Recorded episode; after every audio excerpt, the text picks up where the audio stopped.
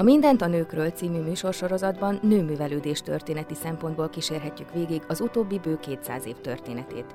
Igyekszünk felragyogtatni az elfeledett alkotónők arcélét, vagy árnyékban élő nőkről beszélünk, és olyan mozgalmakról, amelyek a női művelődést segítették elő. Podcastunkban kísérletet teszünk annak bemutatására, hogyan nyertek nagyobb teret a nők a művelődésben, és azután pedig a közéletben is.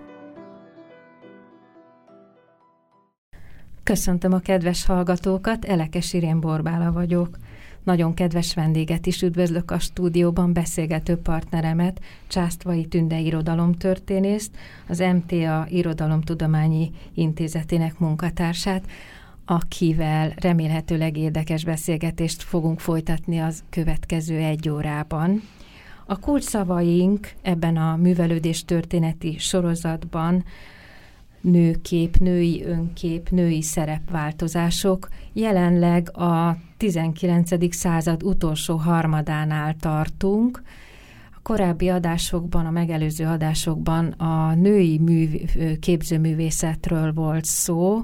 Bizonyos fokig tudunk is kapcsolódni ehhez, hiszen nagy átfedések vannak a korabeli kulturális élet eseményei között, és a szereplők bizonyos fokig kapcsolatban álltak egymással. Ma azonban egy kicsit különleges lesz annyiban az adásunk, hogy egy nagy sikerű könyvszerzőjével is ülök egyúttal szemközt, mégpedig az Éjjeli Lepkevadászat című hatalmas nagy munka szerzőjével, amelyik bizony nagy mértékben tárgyalja ezt a kort is. Tünde fogja elmondani, hogy mennyire rejtett szemszögből, és mennyire az életnek és a, az önképnek a másik oldalát taglalja ez a munka, amelyik egy, egy tényleg egy igen dokumentumértékű, nagyon, nagyon nagy munka, de a témája igen kényes. Innentől pedig hát szeretnélek megkérdezni, hogy hogy is vágtál ebbe a vállalkozásba bele, mielőtt még konkrétan a korról és a könyvről beszélnénk? Hát a könyv maga az Osiris könyvkiadó vezetőjétől, illetve a könyv ötlete az Osiris kiadó vezetőjétől származik, Gyurgyák Jánostól, de hát nem volt ez véletlen.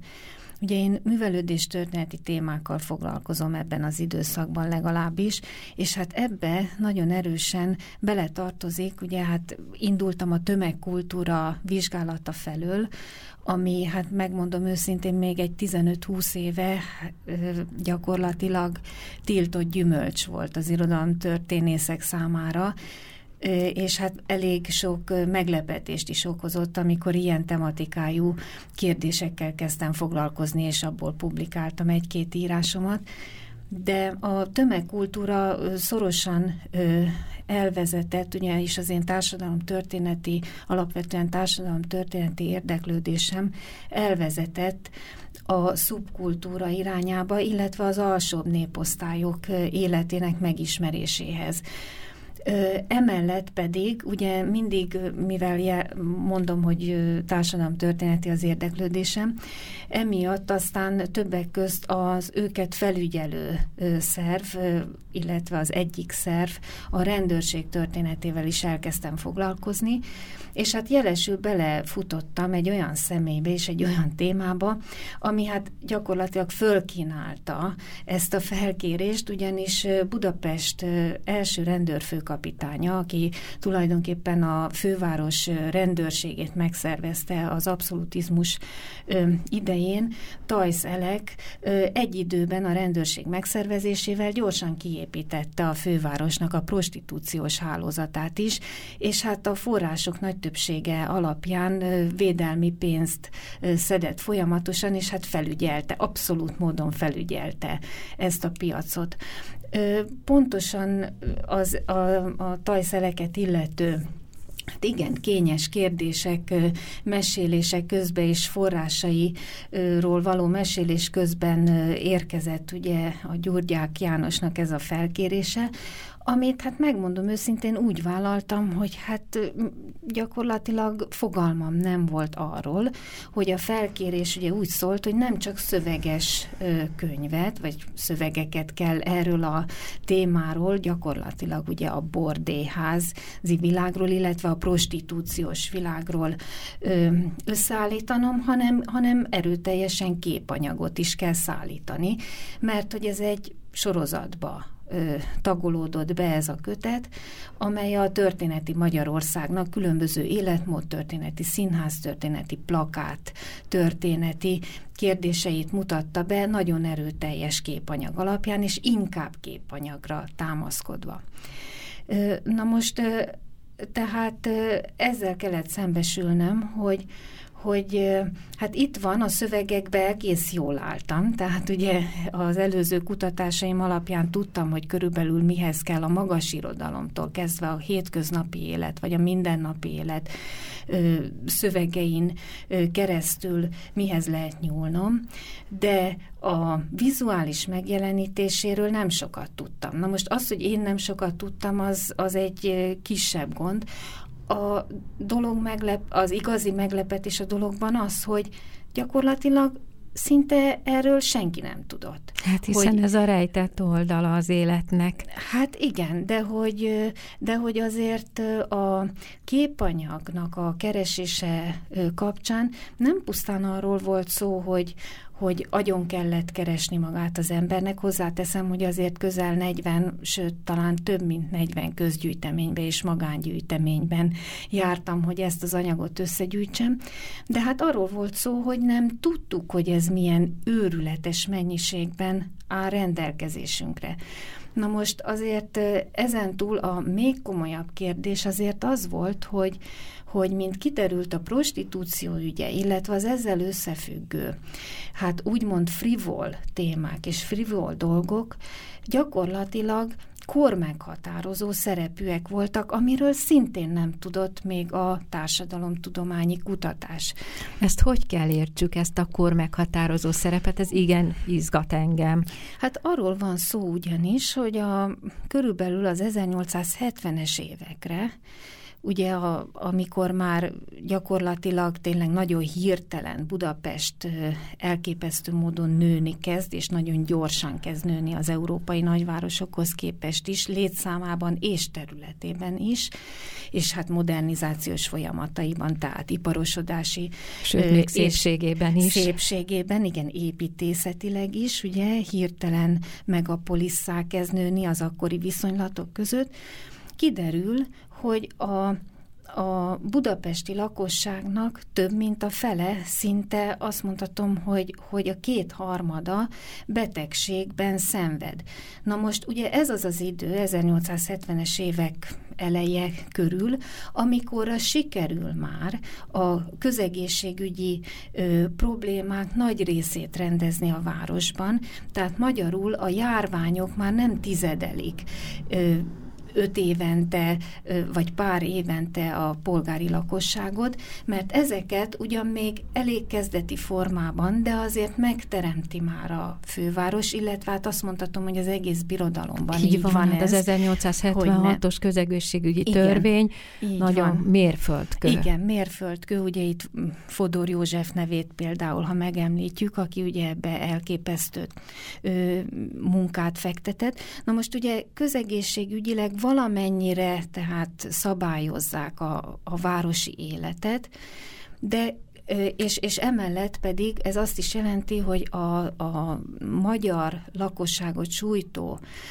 tüdőbetegséget valamennyire sikerül visszaszorítani. Ugye er, ez most ilyen orvostörténeti kérdésekben nem mennék bele, de tulajdonképpen elkezdik valamiképpen kezelni a tüdőbetegséget, meg hát a városi élet, ami azért lényegesen jobb, mint az általában, mint általában a, a falusi vagy tanyasi életforma, illetve hát kedvezőbb az embereknek, ezért ez némiképpen visszaszorul, viszont egy újabb betegségforma ö, kapja el a városi lakosságot, és mondom, minden, tehát háromból két ember nemi betegségben szenved. Na most ennek nincsen ellenszere, legalábbis sokáig nincs ellenszere, és ugye itt a, a felgyülemlő férfi és ugye az utánuk érkező női lakosság, ugye az egész birodalom területéről dől be az emberanyag a fővárosba, építi a várost. A szívja is a munkaerőt, persze. Igen.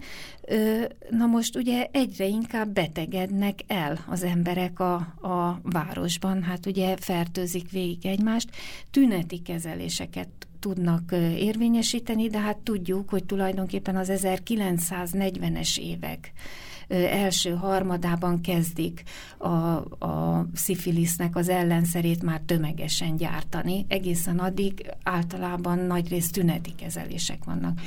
Na most ettől hogy ez ilyen rendkívüli probléma lesz a városi lakosság körében.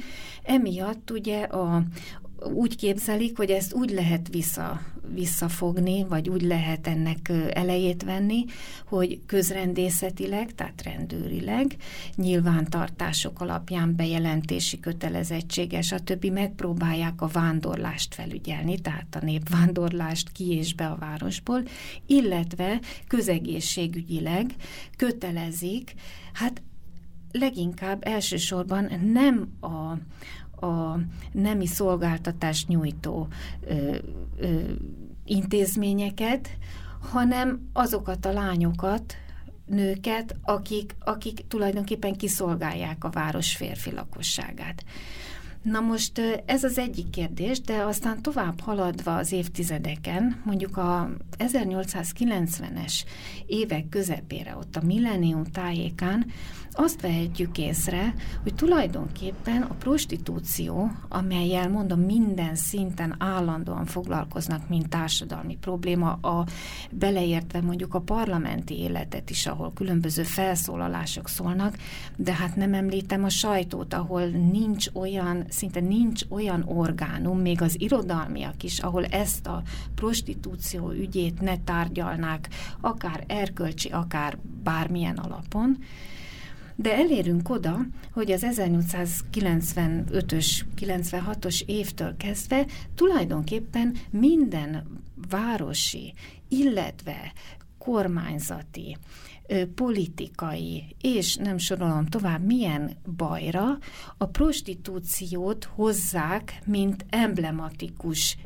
jellemzőt, gyakorlatilag a prostitúciót elkezdik ráérteni az összes társadalmi problémára, beleértve itt a, a házasságban való párkapcsolatok megváltozásának a jellegét, a mondom, a politikai korrupciót, ez mind-mind elkezd a prostitúció jelképével, vagy fogalmával valahogy összemosódni, és egy ilyen általános, általános jellegzetességként vagy emblémaként mindenre ráütik, mint bélyeget.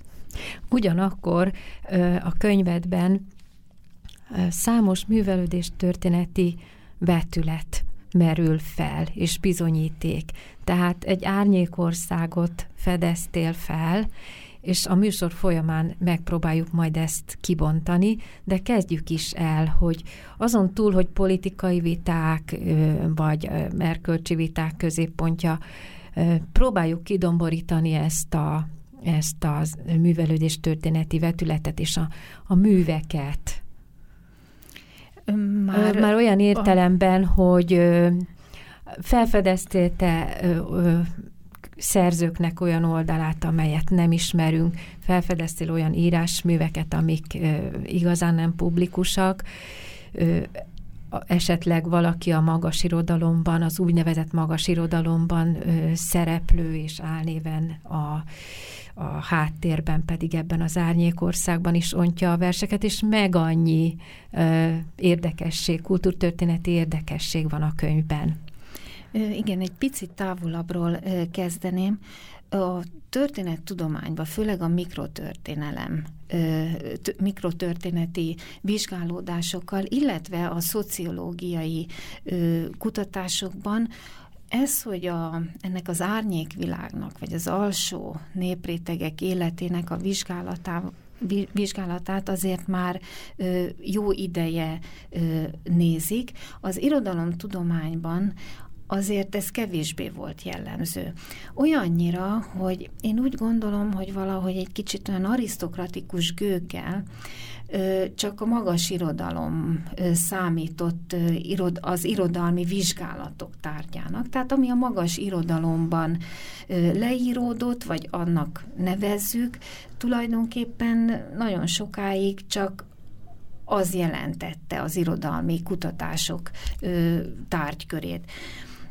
Na most én úgy képzelem, és hát mondom, ezen sokat, sokat dolgoztam, hogy, hogy a tömegkultúra, hogyha természetesen esztétikai színvonalát tekintve messze nem, ér el, nem éri el ezeket a, ezeket a magas irodalmi termékeket, de hát mint ahogy ma is úgy képzelem, hogy úgy tudunk viszonyítani, illetve úgy tudjuk magunkban a esztétikai érzékünk szerint ezeket az olvasott, kezünkbe kerülő műveket minősíteni, hogyha van egy rendszerünk, amelybe behelyezzük, és valamihez képest, vagy valamihez hasonlítva tudjuk ezt megtenni.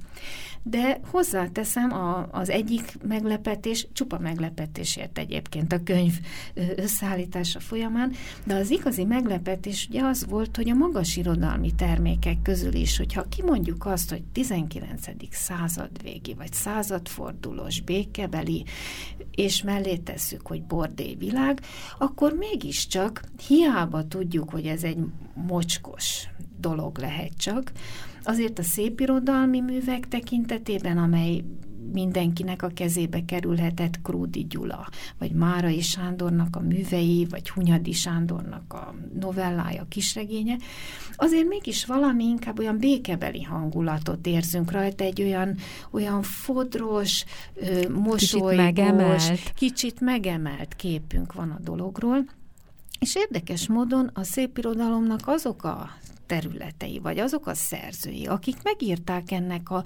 nagyon-nagyon csúnya, nagyon-nagyon nyomasztó, és nagyon-nagyon szívszorító képét is, azok valahogy kevésbé kerültek elő.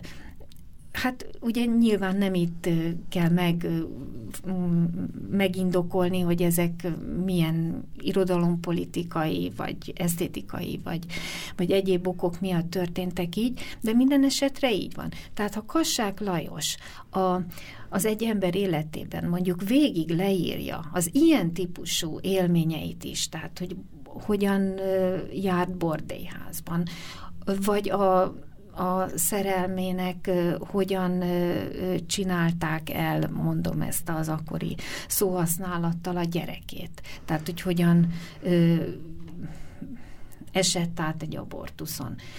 Vagy, vagy hasonló ilyen történeteket olvasunk, érdekes módon ezek azért sokkal kevésbé jutnak a, az olvasók vagy a nagy közönség eszébe, sőt, gyakran az irodalmárok eszébe is, mint mondjuk a, a gyönyörűséges, elandalító Krúdi novellák. De hát mondhatnám Babics Mihálytól kezdve, vagy kicsit visszább tekintve mondjuk Revicki Gyulának a, a Perdita verseit is, és hát nem csak Revicki Gyulának, hanem tulajdonképpen az egész új romantikus költő nemzedéknek a verseit, az ábrányiaktól kezdve nagyon sok mindenkit lehetne sorolni, akik hát pontosan a kiszolgáltatott nő, az elnyomott, a sárba taposott nőnek az a, az emblémájaként ö, írnak a korabeli örömlányokról, ha ezt örömnek lehet nevezni.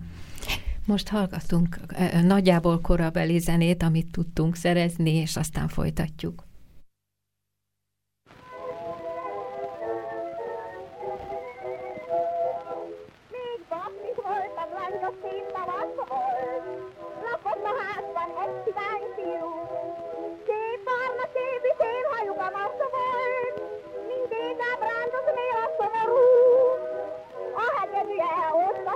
Szerszál. Tették urán csak régen finkokot,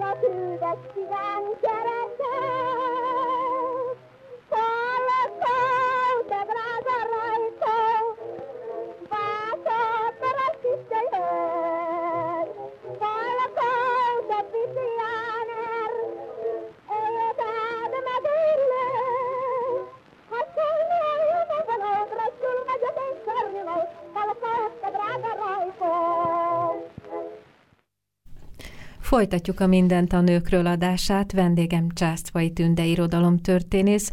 Nehéz témába kezdtünk, a 19. század utolsó harmadáról beszélgettünk, de a művelődés történet egyik rejtett oldaláról, elsősorban a könyve kapcsán az éjjeli lepkevadászat című nagy munka kapcsán. Hát eddig a társadalmi körülményeket elemeztük, de egy másodpercet térjünk erre a zenére, amit tehát próbáltunk úgy válogatni, hogy egy kicsit illeszkedjék a beszélgetés témájához, és tulajdonképpen nem is annyira érdektelen, mert a, olyan jelenségek vannak képviselve benne, mint ez a, mint ez a fajta, hát szintén a kultúra része, inkább te folytasd, jó? Hát a hallgatott zene pontosan megmutatja, illetve utal arra a kérdéskörre, hogy a nagyvárosi nők most függetlenül, hogy melyik néposztályhoz vagy társadalmi osztályhoz tartoznak, egész egyszerűen egy új jelenséggel találkoznak, mégpedig a szórakozás igényével. Na most, hogy ez a szórakozás milyen, hát egyébként nagyon sokrétű, és szintén a társadalmi rétegzettséghez kapcsolódik, tehát, hogy, hogy nem mindenki, tehát ez a, ez a kinyíló lehetőségek világa, mert ugye az is a modern ö, nagyváros, azért nem azt jelenti, hogy az összes ö, nép csoport vagy néposztály ugyanazokra a helyekre kezd járni. Tehát mindenki elkezd járni orfeumokba, kávéházakba, de természetesen nem ugyanabba. Tehát nem találkoznak össze. Vagy hogy említsük az operettet, az operát. Ugye ide is eljöhet alsóbb néposztályból is valaki, de nem találkozik még csak fizikálisan sem nagyon össze a nézőközönség, mert hát például ugye az operában nagyon tipikus, hogy külön lépcsőháza van a, az alsóbb néposztálynak, tehát még csak összese keveretett a polgári, illetve az arisztokrata ö, nézőközönséggel. Na most, tehát a lényeg az, hogy mindenki szórakozni vágyik, a, az alsóbb néposztályba tartozó, most nem feltétlen csak bordéházi vagy magánbárcás, magánengedéllyel rendelkező kénynő, hanem a cselédlányok, a már kezdeti próbálkozásként egy-egy polgári foglalkozást űző, akár vidékről, akár a városban született lányokat értem ez alatt, tudom én, varrónőként, kalapos lányként dolgozó lányok is, a munkájukat befejezve, bármilyen munkájukat befejezve szórakozni indulnak, és ugyanez érvényes a kispolgártól a nagypolgárig, hogy, hogy hogy szórakozni támad kedve, és ez ebben az időszakban állandóan, vagy, vagy nagy részt, nagy részt már zenés, zenés szórakozássá válik. Ez a, a könnyű zenétől a, a ma is ma is sokra becsült komoly zenéig nagyon sok mindent magába foglal, és valahogy a, a megítélése is más, mint a mai időszakban. A cigányzenéz, cigányzene hallgatás, vagy a cigány nótáját hallgató ö, ö, zenét váró és igénylő hallgatóság, ezt, a, ezt tulajdonképpen magyar népzeneként hallgatja akkoriban. Ma pontosan tudjuk, ugye Kodály, Bartók után pontosan tudjuk, hogy mi az elfogadott valódi népzene, és mi a műzene között a különbség. De ezt akkoriban nem érzékelték ezt valahogy úgy élték meg, hogy a cigányzene, tehát innen is van a cigányzenézés divatja, vagy cigányzene hallgatásának divatja, hogy az tulajdonképpen az ősi magyar zenének a felelevenítése, és tulajdonképpen hát szinte egy hazafias tett. Na most emiatt aztán ez, ez egy külön téma, hogy akár a ma legmegbecsültebb bíróink is, hát cigányzene alapanyagot szolgáltatnak, tehát Gárdonyi Géza, Pósa Lajos, aki ugye gyerekújságokat visz, de hát mondhatnánk Bródi Sándor nevét. Tehát szövegeket írnak? Egész egyszerűen, vagy Szabolcska Mihály, ugye, aki hát Adi kapcsán eléggé lejáratódott, ugye, de azért nem annyira rossz költő, és hát a kornak nagyon népszerű és elismert költője, egész egyszerűen alapanyagot kezdenek adni, tehát szövegeket kezdenek írni, és a nagyon jó barátjukká lett, cigány zenészek zenésítik ezt meg, Dankó Pistától elkezdve ö, sorolhatnánk a, a nevüket. Egy kis kitérő után, amit a zenénk kapcsán mondtunk el, térjünk vissza a súlyos témánkhoz, a prostitúcióhoz, amit hát itt eléggé alaposan bemutattál, Nekem pedig az jutott eszembe, hogy ebben a korban már előmerészkedtek bőségesen a, az író vagy írogató nők, és lassan-lassan már, ha a tanítónőket értelmiségi státuszba tesszük, akkor művelt értelmiségi nők voltak a, a közéletben. Volt-e nekik vaj, vajon véleményük erről, és e, a források alapján nyomára lehet-e bukkanni? Hát itt ehhez kettő ö, dolgot mondanék. Az egyik, hogy ö, melyikkel kezdjem? Tehát először azzal, hogy volt-e véleményük az írónőknek, a művésznőknek, a művészeti pályát, pályán elinduló nőknek erről. Nem sokat, nem sokat írnak erről. Azért ezt nem szabad elfelejteni, hogy bár a, a civilizációs, modern, korabeli életnek a, a nemi vágyak kielégítése, házon vagy házasságon kívüli kielégítése, az teljesen bevett dolognak számított de azért, hogy mondjam, nem triumfálták ezt a dolgot. Tehát ezt olyan, olyan, nem azt mondom, hogy fű alatt, hanem hogy úgy megbeszélés nélkül természetesnek vette mindkét fél, a nők is, és a férfiak is, hogy a férfiaknak ugye bizonyos kívánalmait hát házon kívül kell kiélnie.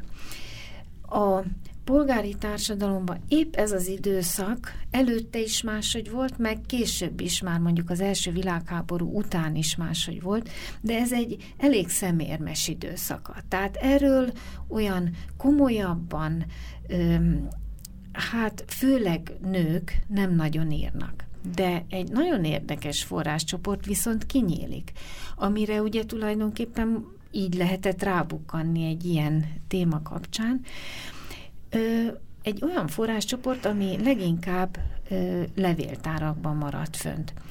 ez pedig a prostitúciós iparban résztvevőknek az iratanyaga, amely nagyon sokféle. Tehát itt az engedélyektől elkezdve mindenféle hivatalos okmány beleértendő, de ezekben a hivatalos iratokban két nagyon érdekes forrást említenék. Az egyik, hogy ha bármiféle a legkisebb bűnbe is keveredett a prostitúción kívül valamely lány, illetve akár bele se keveredett, csak csak nyilvántartásba vették. Egy ilyen nagyon nagy méretű, ilyen asztalnyi méretű bűnlajstromot vettek föl róla az életéről, és itt van egy, tehát egy ilyen nagyméretű nagy papírt, különböző rublikák vannak rajta, és az egyik kérdés, hogy mesélj el a, a nő, hogy hogyan került a prostitúciós iparba. Na most ugye ez vagy igaz, vagy nem, de mind, tehát ugye ebben biztos van valami ö, saját önmaga felmentését is ö, segítő ö, rész, biztos vagyok benne, de minden esetre van egy roppant nagy mennyiségű adatunk arról, hogy a prostitúciós iparban bármilyen szinten, akár, mit tudom én, lakáskiadó, vagy bordélyosné, vagy nem tudom vagy milyen, luxus. vagy igen, vagy pedig akár a, a, a hát prostituáltnak a, a vélekedése és az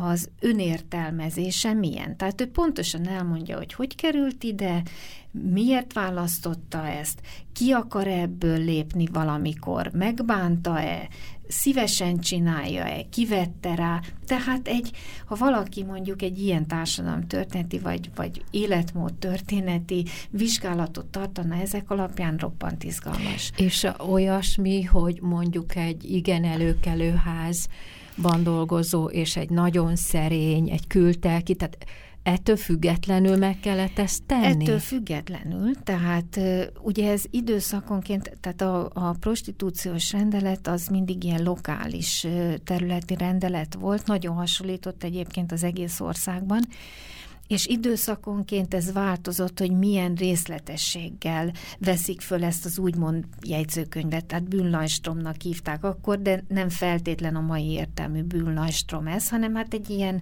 egy ilyen nagy akta egy-egy személyről.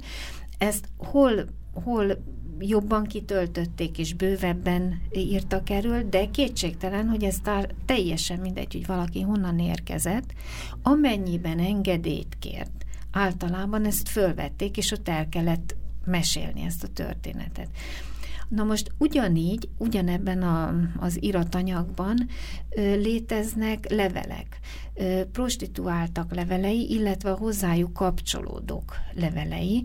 Ugyan Például itt megemlítem, hogy a századfordulójára Európának a leánykereskedelmi hálózatában vezető szerepet vitt Budapest. Vengerkák. A, hát attól függ, igen, honnan nézzük, vengerkák, igen, vagy hungarák, igen, attól függ. Igen ugye már az elnevezések is mutatják, hogy Budapest tényleg központi szerepet vitt.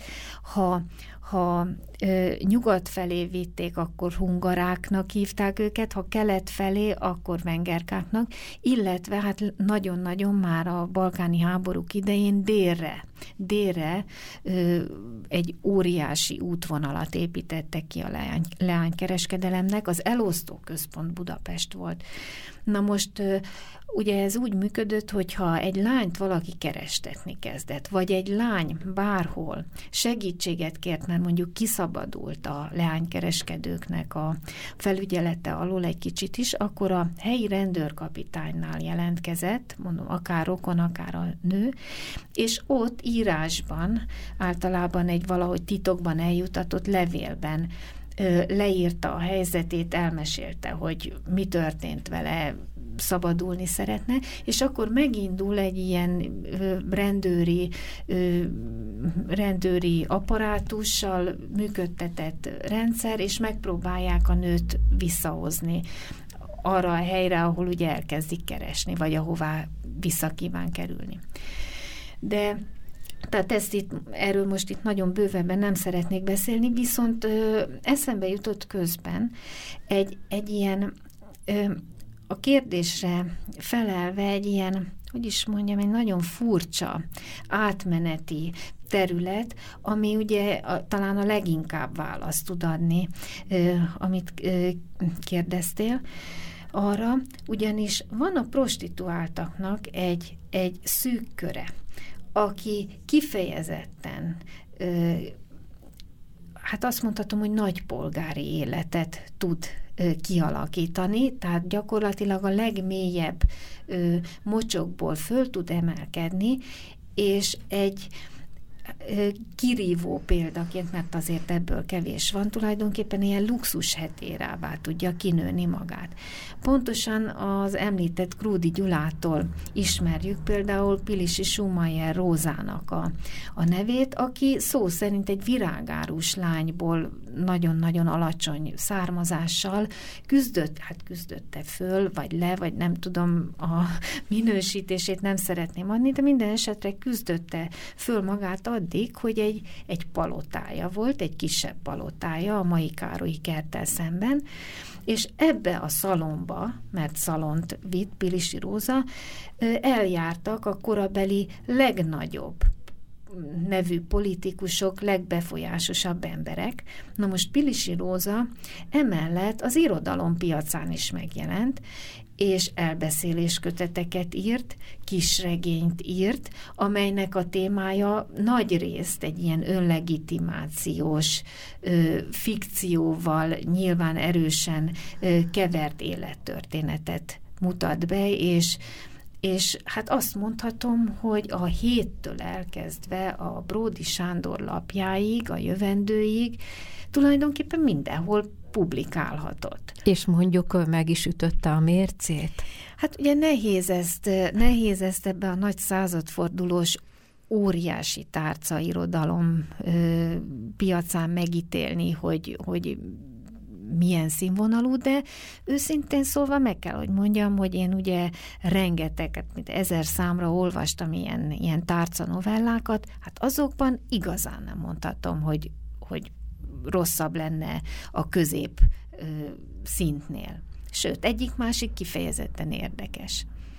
Hát most felrajzolunk egy igen izgalmas társadalomképet, amelyben a prostituáltaktól a önmagukra ébredő, emancipálódó és alkotó nőkig próbálnánk végignézni, hogy a szereplők hogyan smintéltek. Tehát azt mondod, hogy a, az írónőket ez a téma semmilyen állásfoglalásra sem készítette, de a műveikben sem befolyásolt, tehát azt ki tudja. Hát, ki lehetett a legbátrabb alkotó mondjuk ebben a korszakban? Hát nehéz, nehéz ezt így, így megválaszolni, és ugye itt a, előbb említettem itt két dolgot, abból csak az egyiket meséltem el, de most nagyon jól vissza tudok kanyarodni ehhez, hogy, hogy nem is így így ítélném én ezt meg. Tehát nem is feltétlen az, hogy állásfoglalásra nem kényszerültek, hanem, hanem talán sokáig ö, ö, valahogy tisztázódnia kellett ennek a folyamatnak, és valahogy meg kellett találni ö, bizonyos elmondandóknak a, a módját, vagy az artikulálásnak a módját ki kellett valahogy találni, hogy, hogy tulajdonképpen mire is akarok kiukadni, az, az az lenne, hogy azért itt a 19. század végéig azt mondhatom, hogy ezek a női emancipációs törekvések azért látványilag, tehát ami, ami a köznapi életben látszik, azért az elég szűk körű. Tehát ezek inkább azt mondhatom, hogy mély áramokban indulnak meg, és majd tulajdonképpen az 1910-es évektől látszik ez nagyon látványosan. De hogy az megtörténhessen, mondjuk a 1910-es évektől és főleg az első világháború után, amikor ugye egy teljesen megváltozott világba érkeznek, vagy, vagy kerülnek választások elé a nők, azt ugye ki kellett dolgozni, az, azért, azért rengeteget kellett munkálkodni. Ö, végig kellett egy csomó mindent játszani, dolgozni, és ugyan el tudunk mondani első nőket, az első orvosnőt, a, a, a tanítási, oktatási piacon ugye elképesztő, hogy mit kezdenek összerakni önmaguknak is a nők, és aztán hogy próbálják az emancipálódásnak ezt az útját megindítani. De itt nagyon sok minden még csak, még csak úgy a, úgy a, a jelenségek alatt, vagy fű alatt kezd kialakulni. Ami nagyon látványos, az azt mondhatom, hogy tulajdonképpen a fizikai és a vizuális megjelenés. Tehát mire gondolok? A nőknek a tehát a nőknek az a, az a próbálkozása, hogy a nagyvárosi életben minél több teret önmaguknak is elfoglaljanak. Tehát olyan terekre érkeznek el, szó szerint fizikailag, olyan terekre lépnek be, ahol addig úgy tulajdonképpen csak a férfiak jelentek meg. Itt szintén mondhatom a, a, a kávéházat, a kaszinót, a könyvtárakat, stb., ahol ugyan voltak női szereplők, de tipikusan azért nem, nem nőknek szóló terület volt. Innen folytatjuk majd.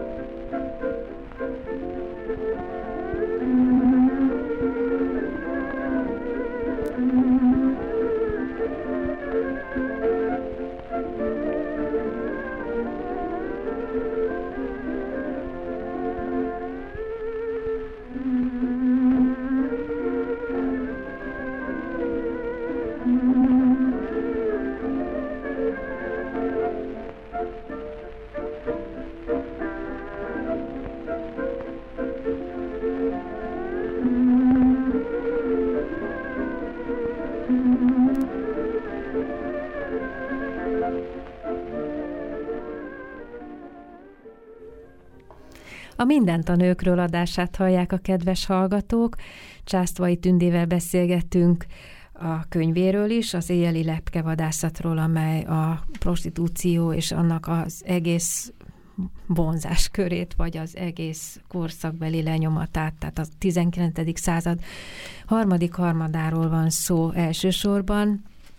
Ezen keresztül persze itt millió és millió társadalmi kérdést és és lélektani kérdést kezdünk érinteni. A zene előtt egy nagyon izgalmas dologba kezdtünk, méghozzá abba, hogy a nők minél több téren, szó szerinti téren szeretnének megmutatkozni, és azt ígértük, hogy innen folytatjuk.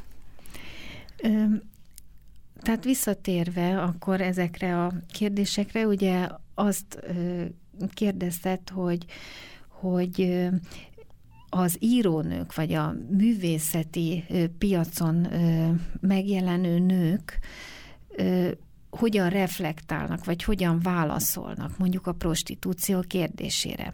Na most az eddigiekből elmondva azért teljesen nyilvánvaló, ha a válaszom, hogy, hogy ugye ha azt nézzük, hogy a prostitúció számukra már nem pusztán a bordélyvilágot jelenti, hanem ugye ráértődik egy csomó társadalmi jelenségre, akkor a nőíróknál rettenetesen komolyan jelentkezik egy egészen új típusú irodalom, mégpedig a lélektani irodalomnak, ahogy említetted, a, a lélek rejtelmeinek a vizsgálata, amely mindig kapcsolódik a megváltozott párkapcsolatokhoz, a kor megváltozott párkapcsolataihoz.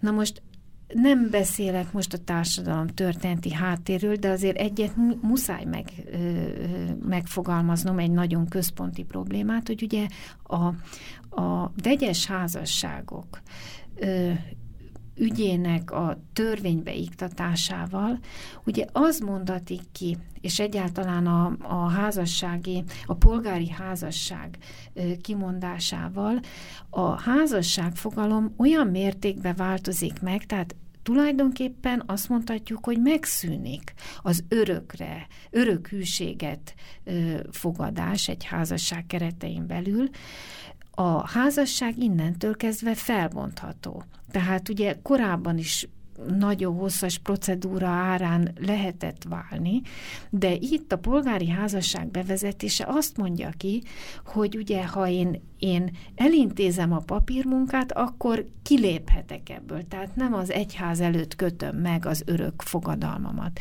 örökre szóló fogadalmamat. Na most ez, hogy a, a, az öröknek hit párkapcsolat, mondjuk egy házasságban, ez, ez legalábbis relativizálódik.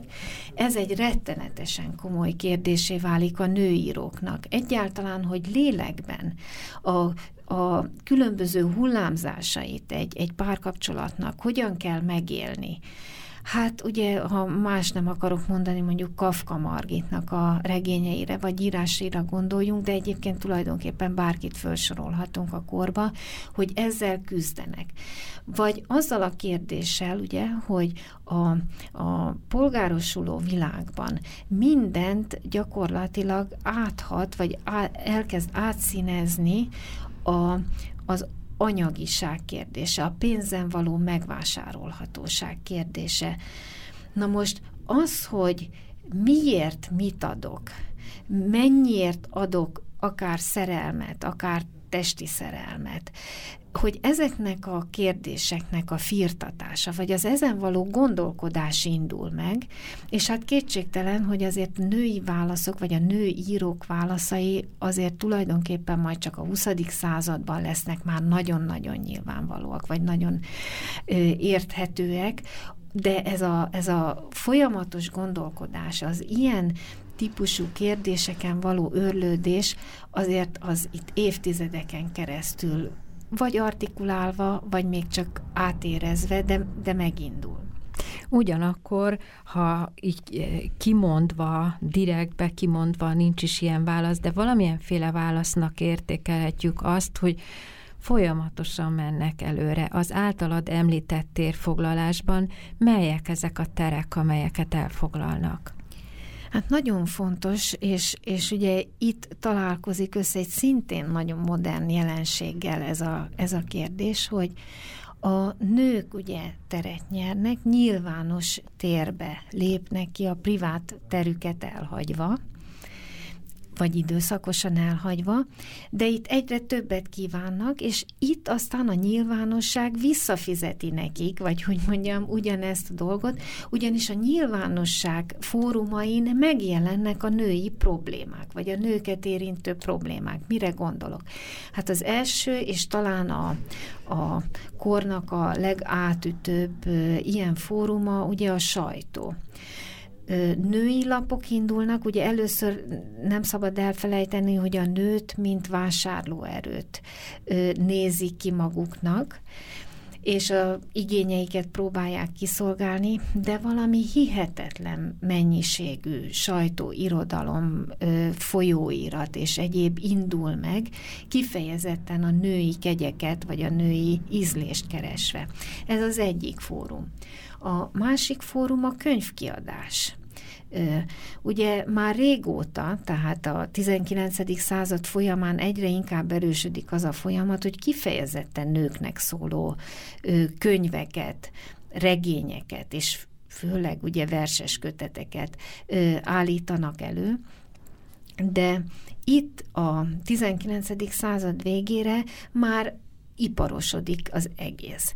Tehát itt legtűrgyárak állnak föl, kifejezetten csoportok alakulnak, akik a nőolvasóknak az igényei szerint és a érdeklődése szerint De egy homogén csoportnak tekintik a nőket? Hát ez nem volt homogén. Nem, nem, pontosan.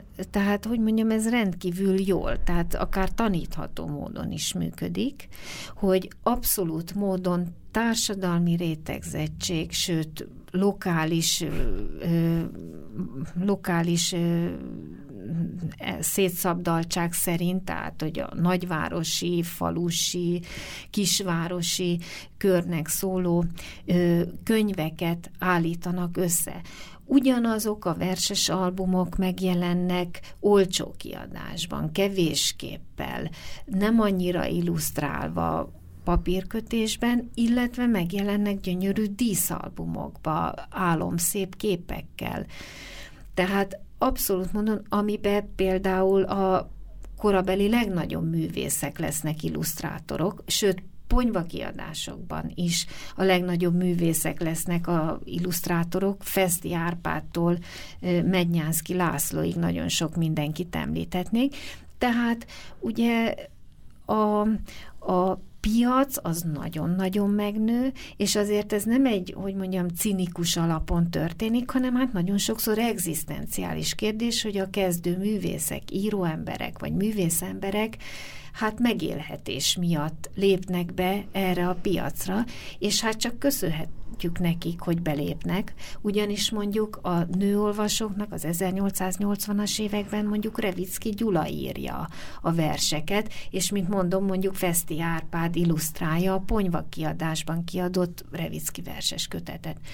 Tehát ez nem mindig esztétikai kategória, és nem csak egy cinikus pénzszerzési akció, hanem nagyon sok mindennel ö, hatát. De egy harmadik területet is említhetnék, ami ugye rendkívüli módon kinyílik a nők számára, és ez a színház világa egyrészt a, a színházi, tehát mind a két felől, a színház látogató oldaláról is, és a pódiumra lépő nők oldaláról is. Ugye megindult tulajdonképpen Magyarországon a sztárkultusz, mondjuk Fedák Sári vagy Megyaszai Vilmát említhetnénk mondjuk példaértékűnek, de hát azért még említhetnénk másokat is, Blaha Lujzát egy kicsit korábbi időszakból, és ezt kifejezetten azt mondhatom, hogy egy modern sztárkultusz indul el, egymás segítve a nyilvánosság, tehát ugye a nyilvánosság fórumai ráerősítenek ezekre a kívánalmakra, és a közönség boldogan fogadja ezt, és szinte issza vissza ezeket a neki felkínált érdekességeket és finomságokat. Most a nagyobb létszámban az 1800-as évek közepétől lépnek be az irodalomba a nők, és akkor szintén az az úgynevezett iparág is megindul, hogy összegyűjtik a munkájukat, de az irodalomba egyre inkább belépő nők ebbe a vonulatba szállnak be, hogy ők aztán egymásnak ugyanezt írják. Miért van az az érzésem, hogy inkább, inkább inkább a magas irodalomba, az úgynevezett magas irodalomba igyekeznek, de nem biztos, hogy ez így van, ezt kérdezem. Hát én úgy gondolom, hogy, hogy azért az 1860-as évek második felétől kezdve, tulajdonképpen az 1890-es évekig ö, inkább szerkesztőnőként ö, vannak jelen, és szerkesztőnőként esetleg belépnek az irodalom piacára is. És hát én úgy képzelem, hogy azért nagyon, tehát az az általános, hogy mindenki minél magasabb szintű irodalmat próbál gyártani, aztán, hogy ez mennyire sikerül, mennyire nem, az ugye kérdés.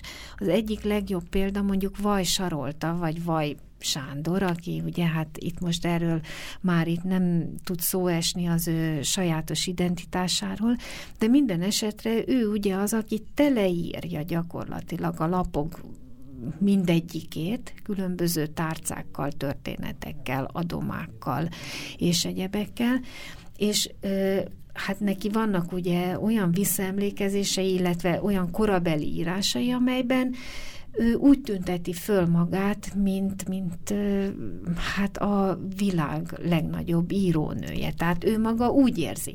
Ma ugye ezt, és azt hiszem a korabeli olvasók olvas, az írásait olvasva azért nem pontosan ugyanezt, ugyanezt a, az esztétikai mércét húznák az ő írásaira. És mi kellett ahhoz, hogy valóban aztán kitörjön a valódi tehetség. Mesternő, tanítvány viszony létezette vajon hát egyrészt köztük? nyilván a lehetőségek kinyílása, minél szélesebb körű kinyílása, másrésztről pedig hát úgy képzelem, hogy a gyakorlat, ami hát elengedhetetlen. Most csak félbe szakítani tudjuk a témát. Megpróbáltunk a 19. század harmadik harmadáról beszélgetni Császtvai Tündével. Nagyon megköszönöm, hogy itt voltál. Rengeteg minden maradt még hátra.